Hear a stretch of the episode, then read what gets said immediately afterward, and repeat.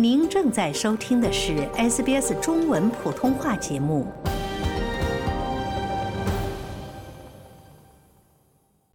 听众朋友，您知道吗？澳大利亚政府与澳大利亚癌症理事会合作，向民众提供了很多种癌症的免费筛查，包括肠癌、乳腺癌、宫颈癌等等，并且也一直在鼓励民众定期进行癌症筛查，保护身体健康。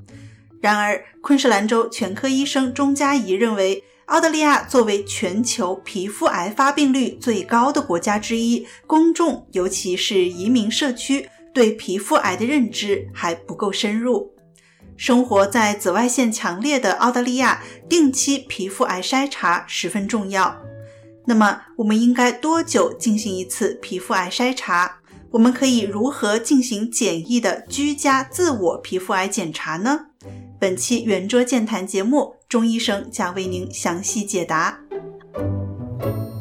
嗯，因为澳洲的那个紫外线真的实在是太高了，所以我们在澳洲我们会建议病人每三个月在家里起码做一次的自我检查。嗯，然后当然在家里做的没有医生做的那么好，可是你可以起码做一个很基本的。然后如果你是有过皮肤癌，或是啊你有一些像是皮肤癌的病变的话呢，医生我们平常会每大概三到六个月会用呃一个东西叫 dermatoscope 皮肤镜。去帮你做一个很详细的 full skin check，就是整个身体这样子检查，然后我们会嗯帮你做诊断，然后再做治疗。嗯，在自己家里面做的这种检查是要怎么去做呢？因为我们有三种以上的不同的皮肤癌，所以我们起码要知道说这三种的它们的特性是什么。然后第一就是那个 melanoma 黑色素瘤啊，melanoma 呢它看起来是一个很奇怪的字，所以我们这个有一个 A B C D E rule 很容易记，所以 A for asymmetry，嗯，就是说那个字的形状会不对称，所以向下左右啊，是不是看起来？来都是一样的，and then be for border，就是那个字的边界是不是很平整？如果它是很良性的话，它平常呢就是像一个圆圈一样，就是 very symmetrical，然后它外围也是很平整的。可是如果它已经开始变怪怪的话，已经在扩散的当中，我们就知道说啊，它底层可能也没有那么好。And then C for color，所以嗯，平常的字呢会只是一到两个颜色，所以如果多于两个颜色的话呢，就它代表说它已经开始有病变的可能性啊。就那个痣本身上面有超过两种颜色。对，所以一些比较小的痣你可能很难去评估。可是当我们用一个东西像皮肤镜去把它放大，然后我们也看看到皮肤的底层的时候，我们可以知道更多的资料。嗯，And then um D for diameter，所以多于嗯。Six mm 的字都是比较容易会有问题的，所以我们会更仔细的去检查这一些的字。所以其实没有很大，就是 six mm，其实很多人都会过。对，超过六毫米的痣好像不会特别少见。对，然后嗯，E for evolution，就是如果你有新的痣，或者是这个痣的大小、形状或者颜色开始有病变的话，或者改变的话，我们就会希望你赶快去看一个皮肤的 GP 或是皮肤的专科。去帮你用这个 dermatoscope 去做更详细的检查。就是它可能会扩散或者变大了，是吗？嗯，对的，对的。就是肉眼可见的时候呢，我们只是可以看到皮肤的表层，可是很多的皮肤癌其实是在基底那边就已经有病变了。所以如果它在上面就已经开始有给你一些啊资讯，去告诉你说哦我不 OK，你其实就要赶快去看医生，因为它当我们看底层的时候，它可能的病变就会更多。所以总结一下，黑色素瘤的自我检查就是观察自己身上的痣，一个是它对不对称，一个是它边缘是否光滑平整，另外一个是看它的颜色会不会超过两个颜色了。嗯，之后再看它的大小会不会超过六毫米，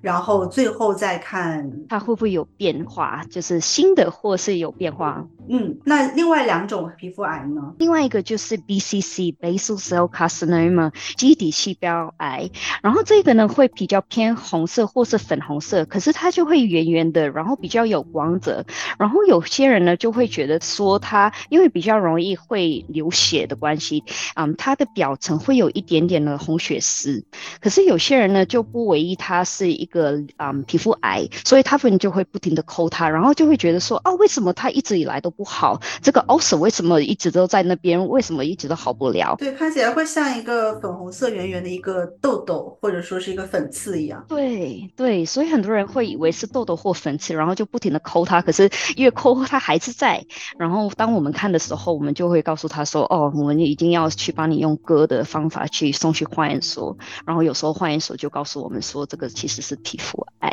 然后最后一种就是 squamous cell carcinoma（SCC） 啊，鳞状状的细胞瘤。然后这个呢也是偏红色或是偏粉红色，可是它有点不一样的，就是它会比较比较平或是比较干，然后摸起来会硬硬的啊，然后会有点像那个皮疹一样啊。然后一样的，很多人以为啊，我只是有个湿疹啊，或者是啊，为什么明明看起来是像湿疹，然后可能在那个药房去买一点点 steroid cream，就是类固醇，为什么涂都涂不好的感觉，或者是啊那个皮屑就是不停在抠它，然后它不停的掉，可是它就没有好起来。然后一样的，当我们看这些的时候，我们送去化验所也是会告诉我们说啊，它已经是 SCC 了。嗯，所以说要自己密切观察自己身上任何部位，包括痣以及长得像粉刺或者长得像皮疹的一些皮肤上的一些小病变，然后确保他们不会是皮肤癌。如果有这个皮肤癌的风险的话呢，就要立刻去找这个皮肤科的医生去做一下检查比较好。嗯，对的，对的。嗯，其实现在有很多 GP 也会对于皮肤这个啊 specialty 会有很有兴趣，所以有一些比较资深的 GP 都会选择去做一些 subspecialty。当然有些会做嗯妇产科啊、儿科啊。可是现在其实因为澳洲这边很容易有皮肤癌，所以很多 GP 都会嗯就是现在会做这个 subspecialty into skin。如果是之前没有过皮肤癌的话，每十二个月也 OK。可是如果你觉得自己已经开始会有一点病变，或是啊发现你的皮肤是哦有点怪怪的，嗯，就得就是尽快去找那个 GP，然后 GP 可以先帮你做筛选，然后如果 GP 嗯这个皮肤方面不是他擅长的话，他就会转介你到那个皮肤专科那边去。有一点我还比较好奇啊，咱们澳大利亚的皮肤癌，它这个治愈率包括愈后的这个状况。和数据是怎样的呢？嗯，其实是蛮好的，因为其实很多的澳洲人都会身边会有朋友或者是亲戚会有过皮肤癌，所以其实他们有些我的啊病人有些二十几岁就已经开始每一年很定期的做这个皮肤的检查，啊，然后皮肤癌其实 ninety five percent of it is very treatable，就是代表说，其实如果我们很早就可以发现这个问题的话，它的治愈的啊程度其实是很高很高的。嗯，而且早发现是不是就不会有这种转移的风险？对，因为皮肤癌啊，我们会说它是很 dangerous 的其中一个癌症，是因为它除了可以 metastasize，就是它可以去到其他的部位，for example 啊，它可以吃到骨头啊，或是脑。或者 even 肺，然后淋巴结也是，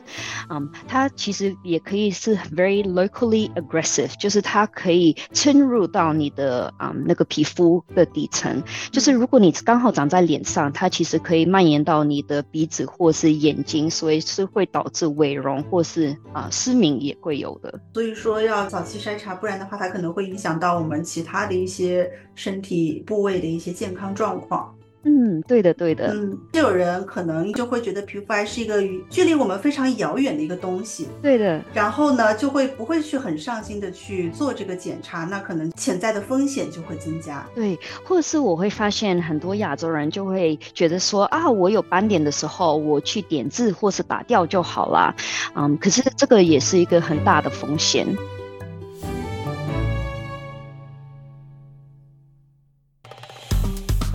喜欢、分享、评论，欢迎您在 Facebook 上关注 SBS 普通话页面。